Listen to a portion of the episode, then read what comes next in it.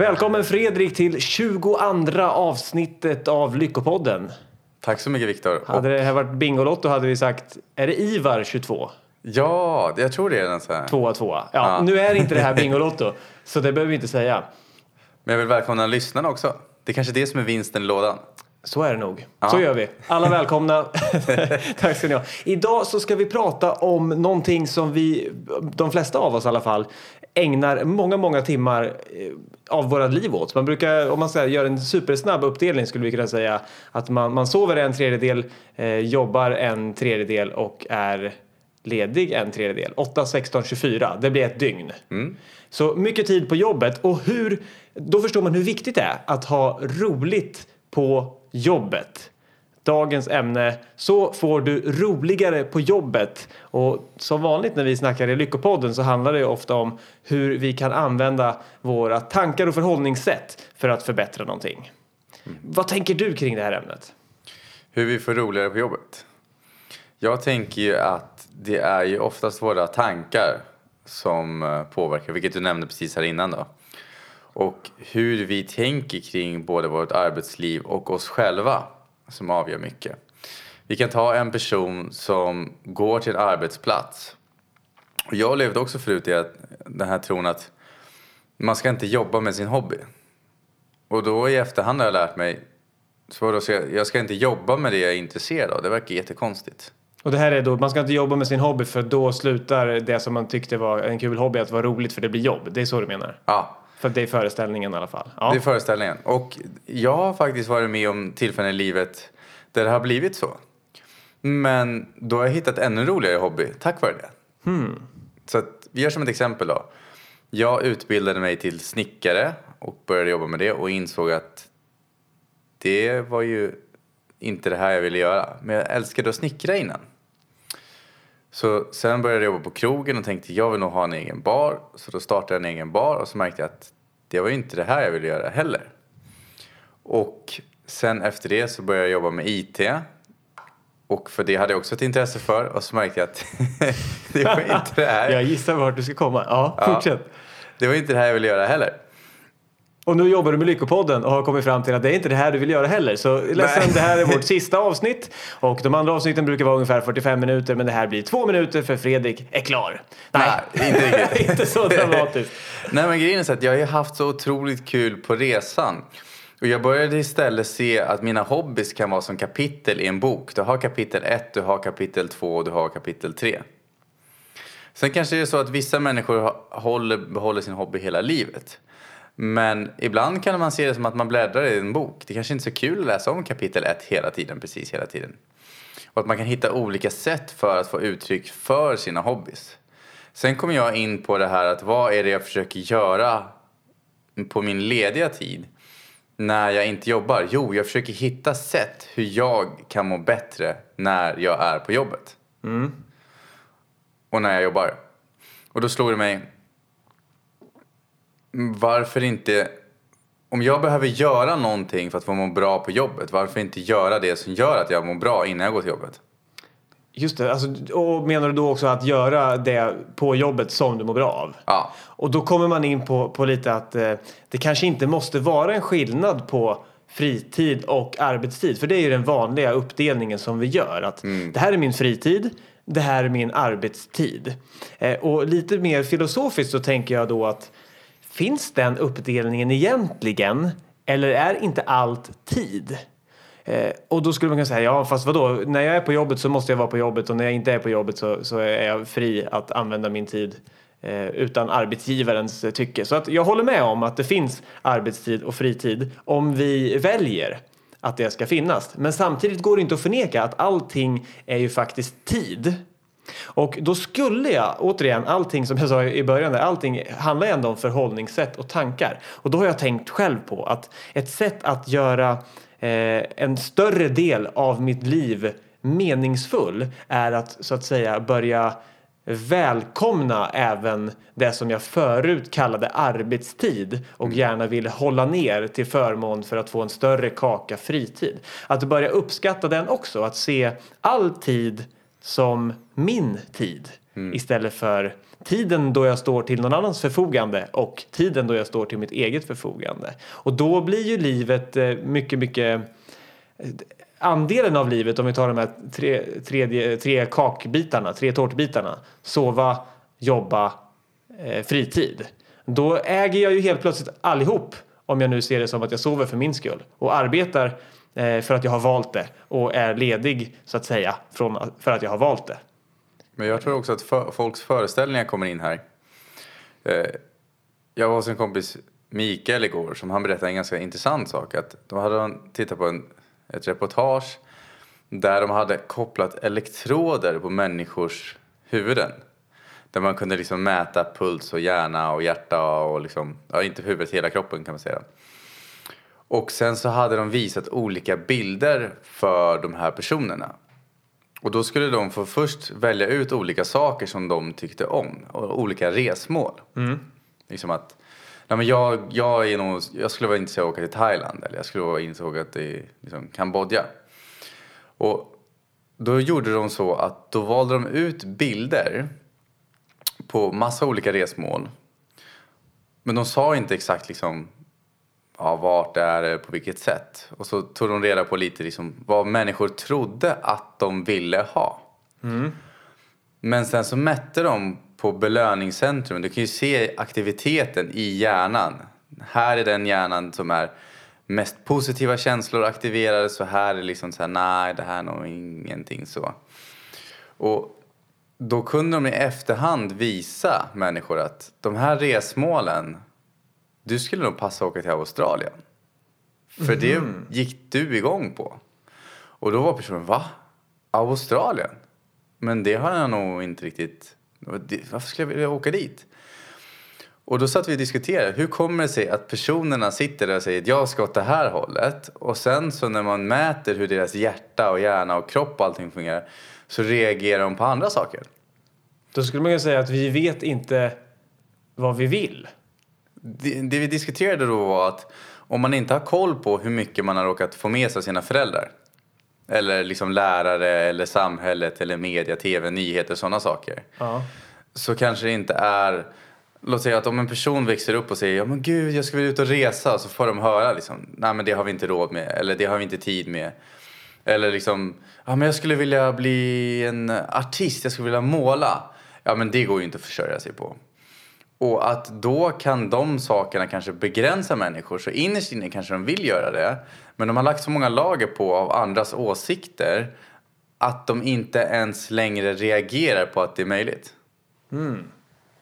Ja, himla intressant. Eh, men jag, jag, tänker också på den där aspekten då att man på något sätt Eh, för att man har förutfattade meningar eller saker som skymmer ens egentliga vilja eller någonting. Att, att det finns då ett glapp mellan vad man säger sig vilja och vad man sen reagerar positivt på. Eh, och en, en eh, då, då tänker jag på en undersökning som, som visar att och där har de inte mätt, kanske för att det var lite längre sedan den gjordes, jag vet inte. Men där fick människor fick an, ha en liten dosa på sig som pep med jämna mellanrum, typ en gång i timmen eller någonting. Och sen så skulle man fylla i ett litet formulär varje gång den pep som sa ungefär hur koncentrerad är du på det du gör just nu? Hur um, roligt tycker du att det är? Och sen så något i stil med skulle du vilja eh, göra något annat än det här just nu om du fick välja? Och så bar man den här hela dagen då. Och då kom man fram till att eh, människor på jobbet upplevde, alltså de, de själv fyllde i att de tyckte att det var eh, hög liksom nöjdhetsgrad och hög fokuseringsgrad. Men på frågan om de skulle vilja göra något annat just nu, vilket då betydde gå hem från jobbet mer eller mindre, eh, så sa de nej.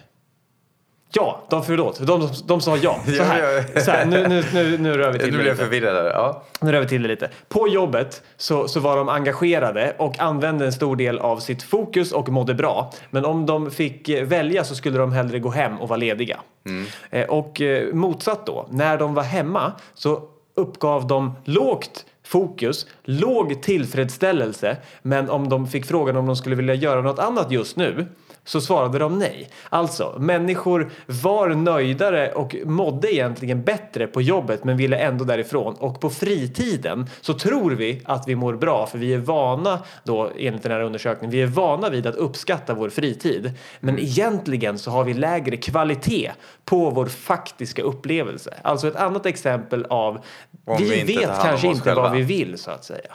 Ja, men det var den här då allmänna konsensus i, i den här undersökningen. Att de flesta människorna säger att de är gladare hemma men är egentligen gladare på jobbet. Och vad beror det då på? Ja, då kan man, då kan man, det finns säkert en massa anledningar men en kan vara att, att man på jobbet är sysselsatt och att vi gillar att vara sysselsatta och vi gillar att använda vårt fokus och vår mentala kapacitet. Och, och hemma så har vi kanske då generellt inte förmågan att sysselsätta oss med sådana saker som utmanar vår eh, intelligens eller som skärper vårt fokus tillräckligt mycket för att det ska vara en givande upplevelse. Men vi har ändå en bild av att det är roligare att ha fritid än att vara på jobbet. Det, jag tycker det är fascinerande. Vi vet kanske inte vad vi vill. Hur mycket vet du vad du vill tror du? Jag brukar säga så att jag vet en sak, jag vet inte mycket. Ja. Nej, men jag vet mer och mer vad jag vill ju mer jag har utforskat mig själv. Och det är genom att jag vågat prova saker och även jobbat på att släppa taget om dem när jag har velat göra det.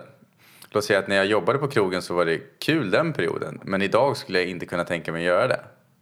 Men det var kul då.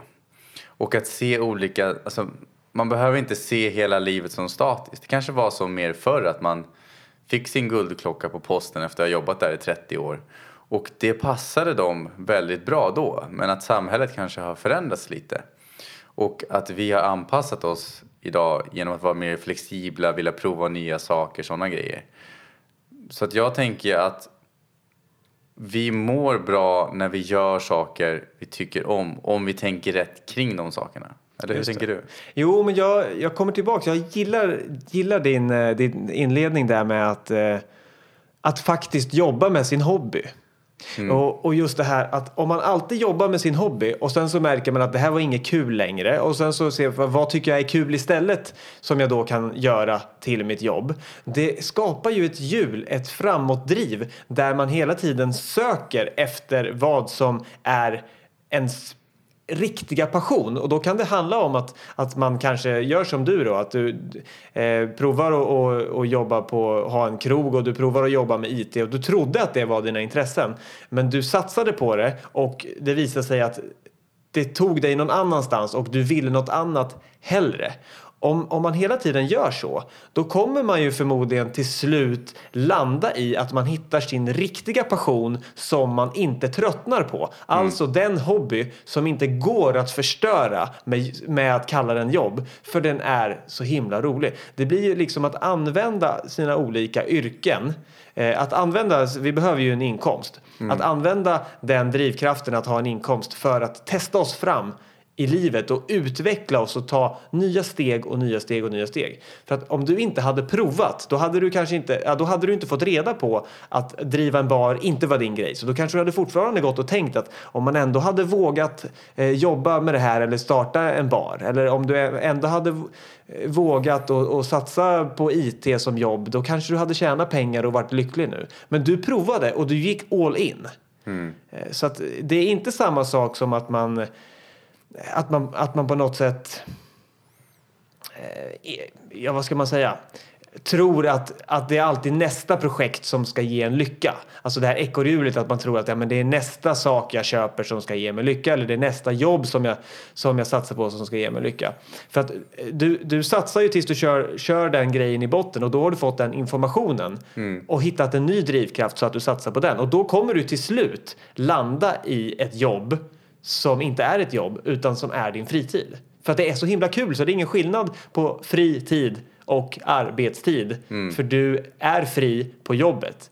Alltså arbetet är ditt liv och livet är ditt arbete för att du håller på med något som du inte behöver göra skillnader. Det måste ju vara utopin. Det, det måste ju vara slutmålet. Men inte utopi för det är sånt som man inte kan nå, eller hur är det?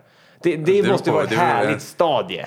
Det är ett fantastiskt stadie där det är idag. Och det menar på att jag hjälper ju fortfarande klienter när de behöver hjälp med IT och sådana saker. Eh, framförallt nu gör ju inte jag allt jobb. Nu coachar jag mer dem hur de kan göra för att de ska till exempel få igång en hemsida eller en podcast och sådana saker. Eh, men, och jag, en del av arbetet vi gör även med podden inkluderar ju en del IT-jobb.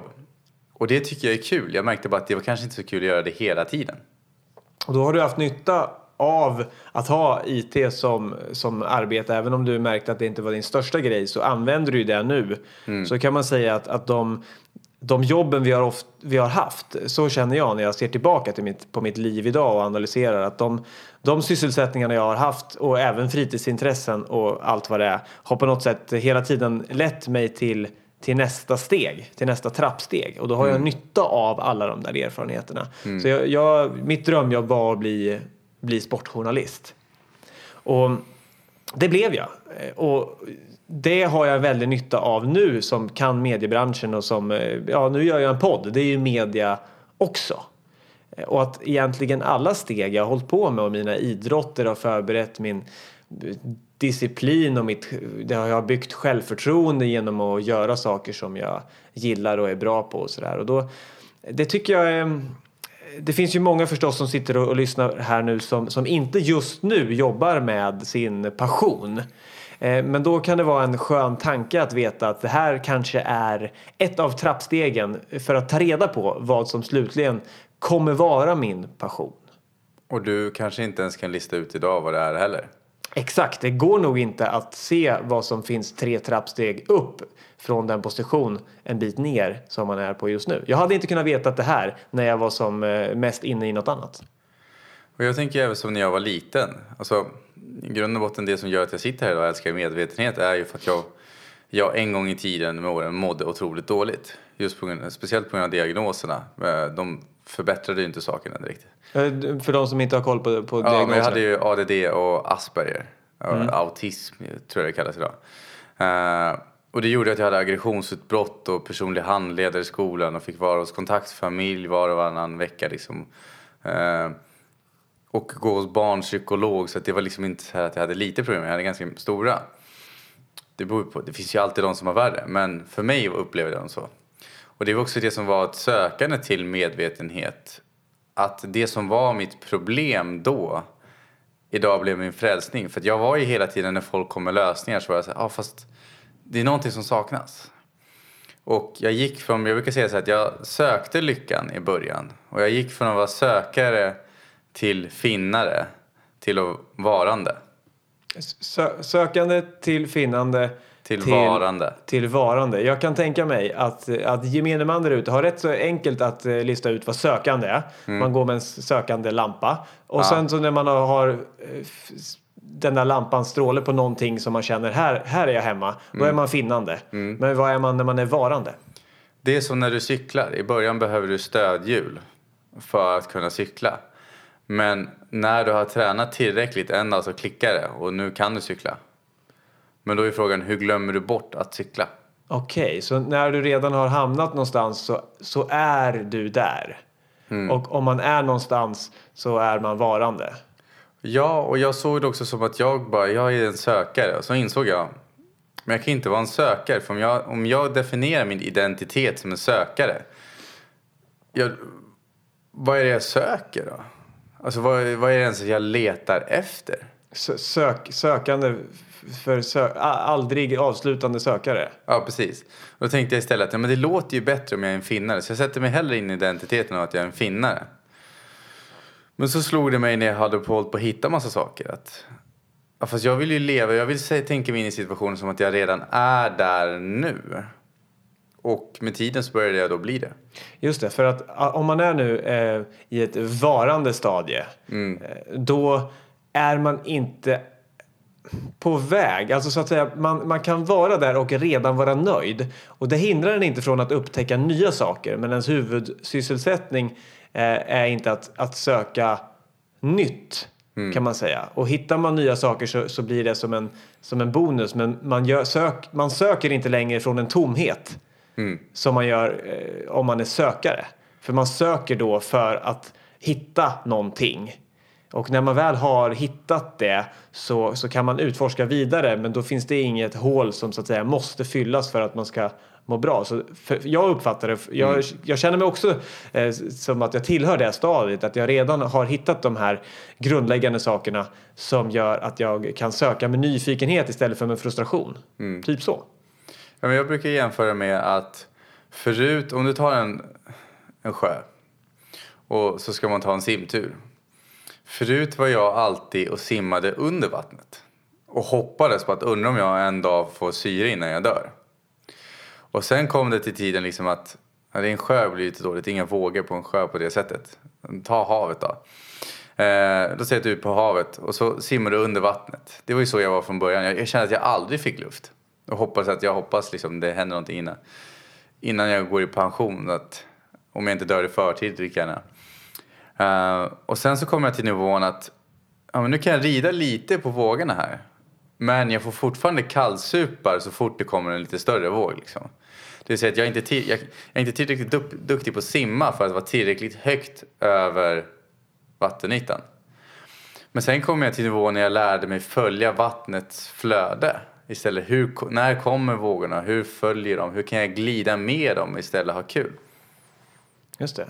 Jag, jag tänker att eh, om vi pratar om sökare igen då i att, eh, att man söker efter, efter det här jobbet som, som kan kännas som ens fritid för att man har valt och tycker om det så mycket. Mm. Och det är väl ett stadie som vi alla säkert eh, skulle vilja eh, hitta. Alltså att all tid känns värdefull helt enkelt. Och att vi då säger vad ska jag jobba med? Vad ska jag hitta? Men att det kanske egentligen är mer att hitta sig själv mm. än att hitta sin sysselsättning. Och då tänker jag att jag känner att jag har hittat mig själv och nu jobbar jag med att fortsätta att vara uppdaterad på mig själv och sen så dela det med andra. Mm. Så att eh, jag ser att formen bakom att jag är så nöjd i mitt liv just nu. Receptet på det är att jag använder så mycket som möjligt av mig själv i mitt jobb. Och då kan jag koppla ihop det till tankarna om den här undersökningen som sa att människor var mer nöjda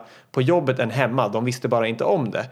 Och det berodde då på att de var mer aktiverade på jobbet. Så att på samma sätt som jag gillar mitt liv just nu så upplevde de sina stunder som mer värdefulla när de använde mer av sig själva, sin kapacitet, sitt fokus. Kan det vara att det är där det handlar om? Att hitta ett sätt där vi kan använda så mycket av oss själva för då blir det vår tid och inte arbetsgivarens tid exempelvis.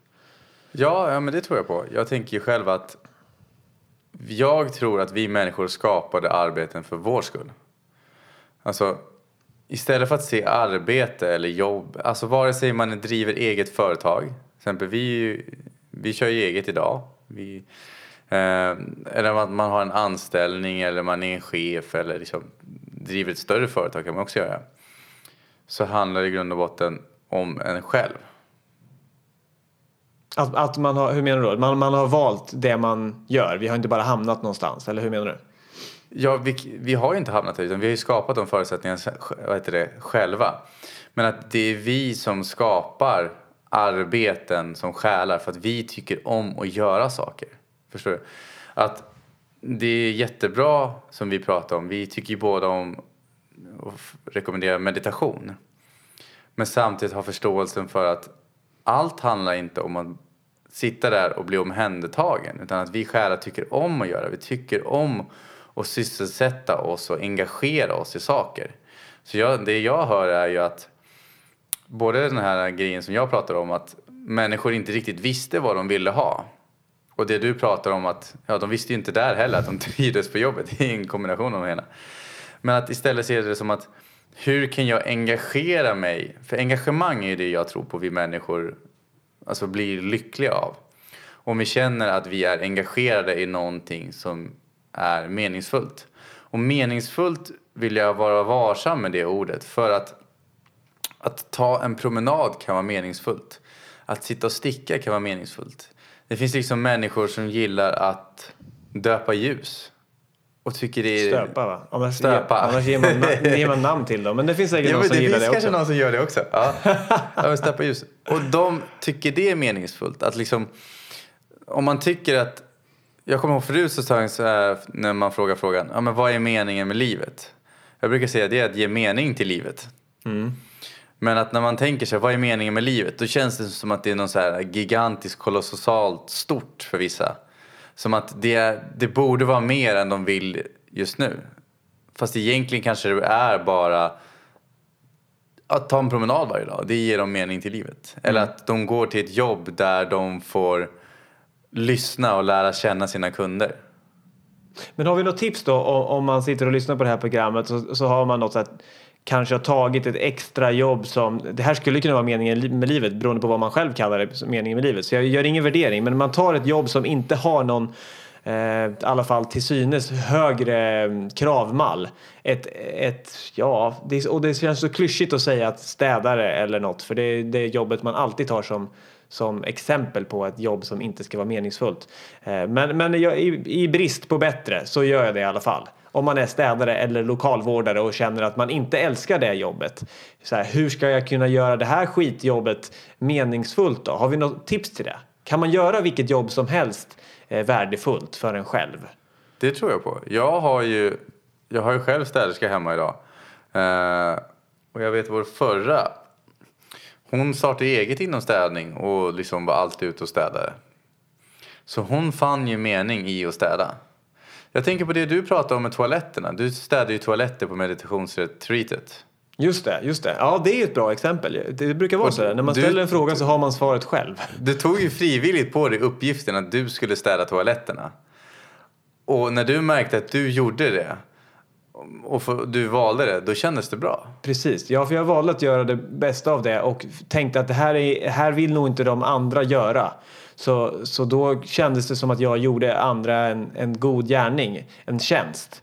Eh, och så märkte jag att det var inte så tråkigt för det var en föreställning om att det skulle vara tråkigt. Så att på det sättet så kan man ju kanske egentligen en fantastisk möjlighet då, om man idag har ett jobb som man upplever som tråkigt att eh, öva på att eh, för sin egen skull och andras skull, för sin egen skull tänka så här, kan jag unna mig att tänka på ett annorlunda sätt så att det här och prova om det faktiskt kan vara kul. Och för de andras skull då tänka att Ehm, kanske att jag gör faktiskt en, en nytta på det här stället. Folk uppskattar att få städade toaletter eller vad det nu kan vara. Eh, och eller svara i, i telefon på, på en, eh, i en växel. Folk, om jag inte skulle sitta här då skulle folk inte kunna ringa till de här olika personerna. Vi, vad kan jag ge när människor ringer in till det här stora företaget? Jo, jag får faktiskt möjlighet att, att svara med glad skön energi till varje person som ringer. Jag har en möjlighet att sprida det varje dag. Och på köpet så blir jag glad av att svara glatt. Så att ja, om man vrider och vänder och letar på vilket sätt kan jag göra det jag gör meningsfullt, då, då finns det saker att hitta. Men jag gillar tillägget här då, det är att man, om man funderar på det själv så behöver vi inte få lika mycket feedback av andra. Och feedback av andra är att vissa kanske behöver att folk säger Gud, nu har du varit duktig eller det där blev vackert och sådana saker. Eh, men om vi själva ger oss det. Alltså att nu har vi, nu har vi du som städar toaletterna, det är därför jag är inne på det då. Men om vi själva säger så här, vad, på vilket sätt påverkar det andra människor att de har rent när de går på toaletterna? Och så spinner du vidare på det. Då ger du dig själv det du, alltså komplimanger, du värdesätter det du gör och sådana saker. Och i slutändan så tror jag då på att vi behöver mindre från andra. Just det, man bekräftar sig själv och tänker så här. Jag vet själv hur trevligt jag tycker att det är när det är städat. Eller åtminstone hur otrevligt jag tycker det är när det inte är städat på, på toaletterna. Det var lite så jag gjorde där i Sri Lanka. För det var ju också att man inte pratade med varandra. Så att det var ingen som kom och tackade mig och jag fick ingen blomsterkvast när jag checkade ut från retreatet för att jag hade städat toaletterna. Det var ju ingen överhuvudtaget som noterade det. Men jag var ju ändå nöjd och det var ju då för att jag hade bekräftat mig själv. Och framförallt tror jag att, att jag själv också hade hade valt att ta den här uppgiften. Eh, men det skulle man också säga att någon hade tilldelat mig. Du ska städa toaletterna tio dagar och så hade jag surat och känt att det var ett straff. Då hade det varit jobbigt att städa toaletterna. Men om jag dag två eller dag tre eller dag fyra eller dag nio hade kommit på så här. Men du Viktor, är inte, är, eh, plågar du inte bara dig själv genom att gå här och tycka att det här är världens tråkigaste eh, syssla? Om jag, då hade jag så att säga kunnat, jo, på tionde dagen hade jag kunnat sagt till mig själv. Imorgon så tänker jag ge mig själv gåvan att eh, att vara att välja att städa toaletten. Okej, okay, jag fick en uppgift, gör det här i tio dagar. Men efter några dagar så kommer jag på att jag kan ju faktiskt välja att göra det här och då behöver jag inte ha motstånd längre. Så vad vi än gör så kan vi på något sätt komma överens med oss själva att eh, göra det bästa av situationen. Och det är först då vi märker att det inte behöver vara tråkigt för det är ju en föreställning, en tanke om att det är tråkigt. Varför skulle det, en del gillar att lägga patiens eller spela memory eller någonting. Mm. Men samma person kan hata och para ihop strumpor. Det är väldigt eh, liknande aktiviteter. Ja, ja men då är frågan om vi kan göra mer, vår, om vi gör det mer lekfullt, det vi gör också. Mm. Liksom, om man står för sig själv, alltså jag brukar jämföra så här, vad mår vi bättre av? Mår jag bättre av att stå och städa en toalett och tänka liksom att ja, vilka idioter som satt, tillsatte med den här uppgiften. Liksom. Och inte får jag belöning för det heller. Och liksom, det är ingen bra lön eller sådana saker. Liksom. Och då brukar jag fråga så här, mår du bra av det? Nej, okej, okay, så finns det, finns det någon anledning som är stressfri för dig att behålla det tankesättet om du inte mår bra av det? Nej. Så kan det då vara värt att utvärdera någonting som du mår bra av då? Prova istället liksom att, vad händer om jag typ lyssnar på musik när jag gör det? Eller sjunger, eller, och får jag inte göra det högt för att jag kanske är på något så här tyst kontor, ja men sjung i huvudet då, du kan ju nynna för dig själv liksom. Eh, hitta olika sätt som vi mår bra av, för det är ju det som är det viktigaste i grund och botten. För jag tror så här att om man tar ett, jag brukar säga så här när vi pratar om mjuka värden, Mjuka värden tycker jag är så viktigt för att om du tar ett företag, du har ett, ett helt våningshus, ett kontor. Och så tar du bort alla människor. Då har du ju inget företag längre, då har du ju ett tomt hus. Så att det är ju det är människorna som skapar företaget. För tänk om du tog Ikea och så tog du bort all personal idag. Då skulle bara byrålådan Bosse bli kvar. Precis. Eller vad det nu kan heta. Ja, just det. Jag kommer ihåg Börje hette någon. Också. Alla, det är mycket namn där. Men det skulle inte vara så mycket liv i dem. Nej, och att fokusera... Liv, liv i luckan, förlåt. Och, ja, precis. och när vi har en kultur så är en kul... En, k, k, jag kan inte ens prata. En kultur baserad på individers tankesätt. Mm. För om tillräckligt många människor tänker likadant så blir det ju en kultur. Vi kan jämföra det som påsken. Alltså, om du tittar på påsken och hur vi beter oss på påsken när vi dricker julmust istället för Nej, julmust. Påskmust istället för julmust. Ja, fast det är ju samma sak så du har ju rätt. Ja, ja. och målar påskägg som vi gömmer och målar, ut barn, målar upp barnen och har en glad kanin där. Jag har ju hört en bredare historia hur det kulturellt sett faktiskt finns en historia bakom de sakerna. Den ska vi inte gå in på idag. Men det är ganska intressant tycker jag, vi fortsätter sådana traditioner. Om vi jämför med, tänk om någon hade kommit på den idén idag. Mm. Du, Viktor, det, det är torsdag imorgon, så ska vi inte måla upp barnen och skicka ut dem och hämta lite godis? Just det, så kan vi kalla det för skärtorsdagen. Ja. Och sen så är det ju fredag dagen efter. Det kan bli lite långtråkigt och bara fortsätta göra samma sak. Så vi kan kalla det för långfredag. Ja, och vi är lediga båda dagar för vi har ingen lust att gå till jobbet. Liksom. Ja, men så gör vi. Ja. allt, allt är ju koncept som vi har hittat på. Och vi väljer att ge eh, värde till en viss helg, en viss månad återkommande år efter år. Och, och när, så, ja, fortsätter. Och det är där jag tänkte lägga till att när tillräckligt många individer tänker på ett visst sätt som att påsken är någonting bra, då, då blir det ju en kultur och då blir det en standard. Just det. Eh, det börjar väl bli läge att, att runda av här och då, då tänker jag för att, för att sy ihop den här påsen att, att det blir en kultur. När tillräckligt många tycker att påsken är bra så blir påsken någonting som vi ser fram emot. Och på samma sätt så, så har det kanske blivit, eller det har blivit en kultur som säger att, att det finns en skillnad på arbetstid och fritid. Och egentligen så är då en kultur någonting som vi har tänkt många, många, många gånger och sen så har vi på något sätt Eh, kommit överens om det i samhället att, att så här är det. Ett program som det här kan hjälpa oss kanske att eh, vrida och vända och se om vi vill vara med på den här kulturen eller om vi vill kanske bryta oss loss och se om vi kan få ett annat, eh, mer meningsfullt eh, tankesätt. Ja, det här gäller vare sig man är anställd, egen företag eller företagsägare. Och gillar man den här uppdelningen arbetstid fritid så fortsätt för tusan med det. Ja, ja. Eh, Du behöver inte sluta, sluta fira påsk bara för att det är en kulturell grej och inte en absolut verklighet. Det kan vara jättegott med påskägg Mm. ändå. Det kan jag hålla med om. Eh, Avsluta med några, några visdomsord och tyvärr så glömmer jag ofta bort vem som, som har sagt dem. Men ungefär att ehm, eh, den, den vise människan gör älskar där den gör. Och den eh, något mindre vise människan då försöker göra bara sånt den älskar. Är du med? Och det, den här personen som, det var någon poet, så han uttryckte få- det här betydligt, här får- betydligt bättre. Det där får du nog vad jag- beskriva lite. Ja, Men, men, men så här då. Ehm, om, om jag är en lite, eh, om jag är en medelsvensson så försöker jag bara göra saker jag redan älskar. Om jag kliver upp från medelsvensson eh, mentala kapaciteten och kommer till en större insikt i livet, då försöker jag älska det jag gör istället. Och då kan jag alltså älska vad som helst för att min kapacitet är att älska det jag gör istället för att välja bara sånt som jag älskar. Ungefär så. Men då, de, jag vill ju lägga till det samtidigt att det går ju att göra det men jag tror samtidigt på att vi har någonting vi inombords alltid brinner för.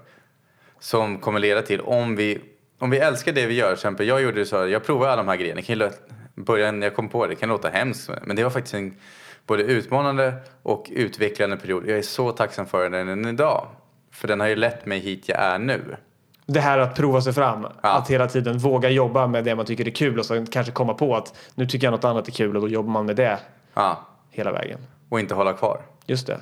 Ut, kasta er ut och gör det ni vill. Det var ett enklare visdomsord. Det, det står jag för. Ja. ja, men jag vill avsluta med våga vara sårbar, våga göra fel, våga ja, göra misstag helt enkelt. Och återupptäck dig själv. Herregud vad mycket visdomsord. Våga även uttala visdomsord även om du inte kommer ihåg vem som har sagt dem. Tack för idag. Hej!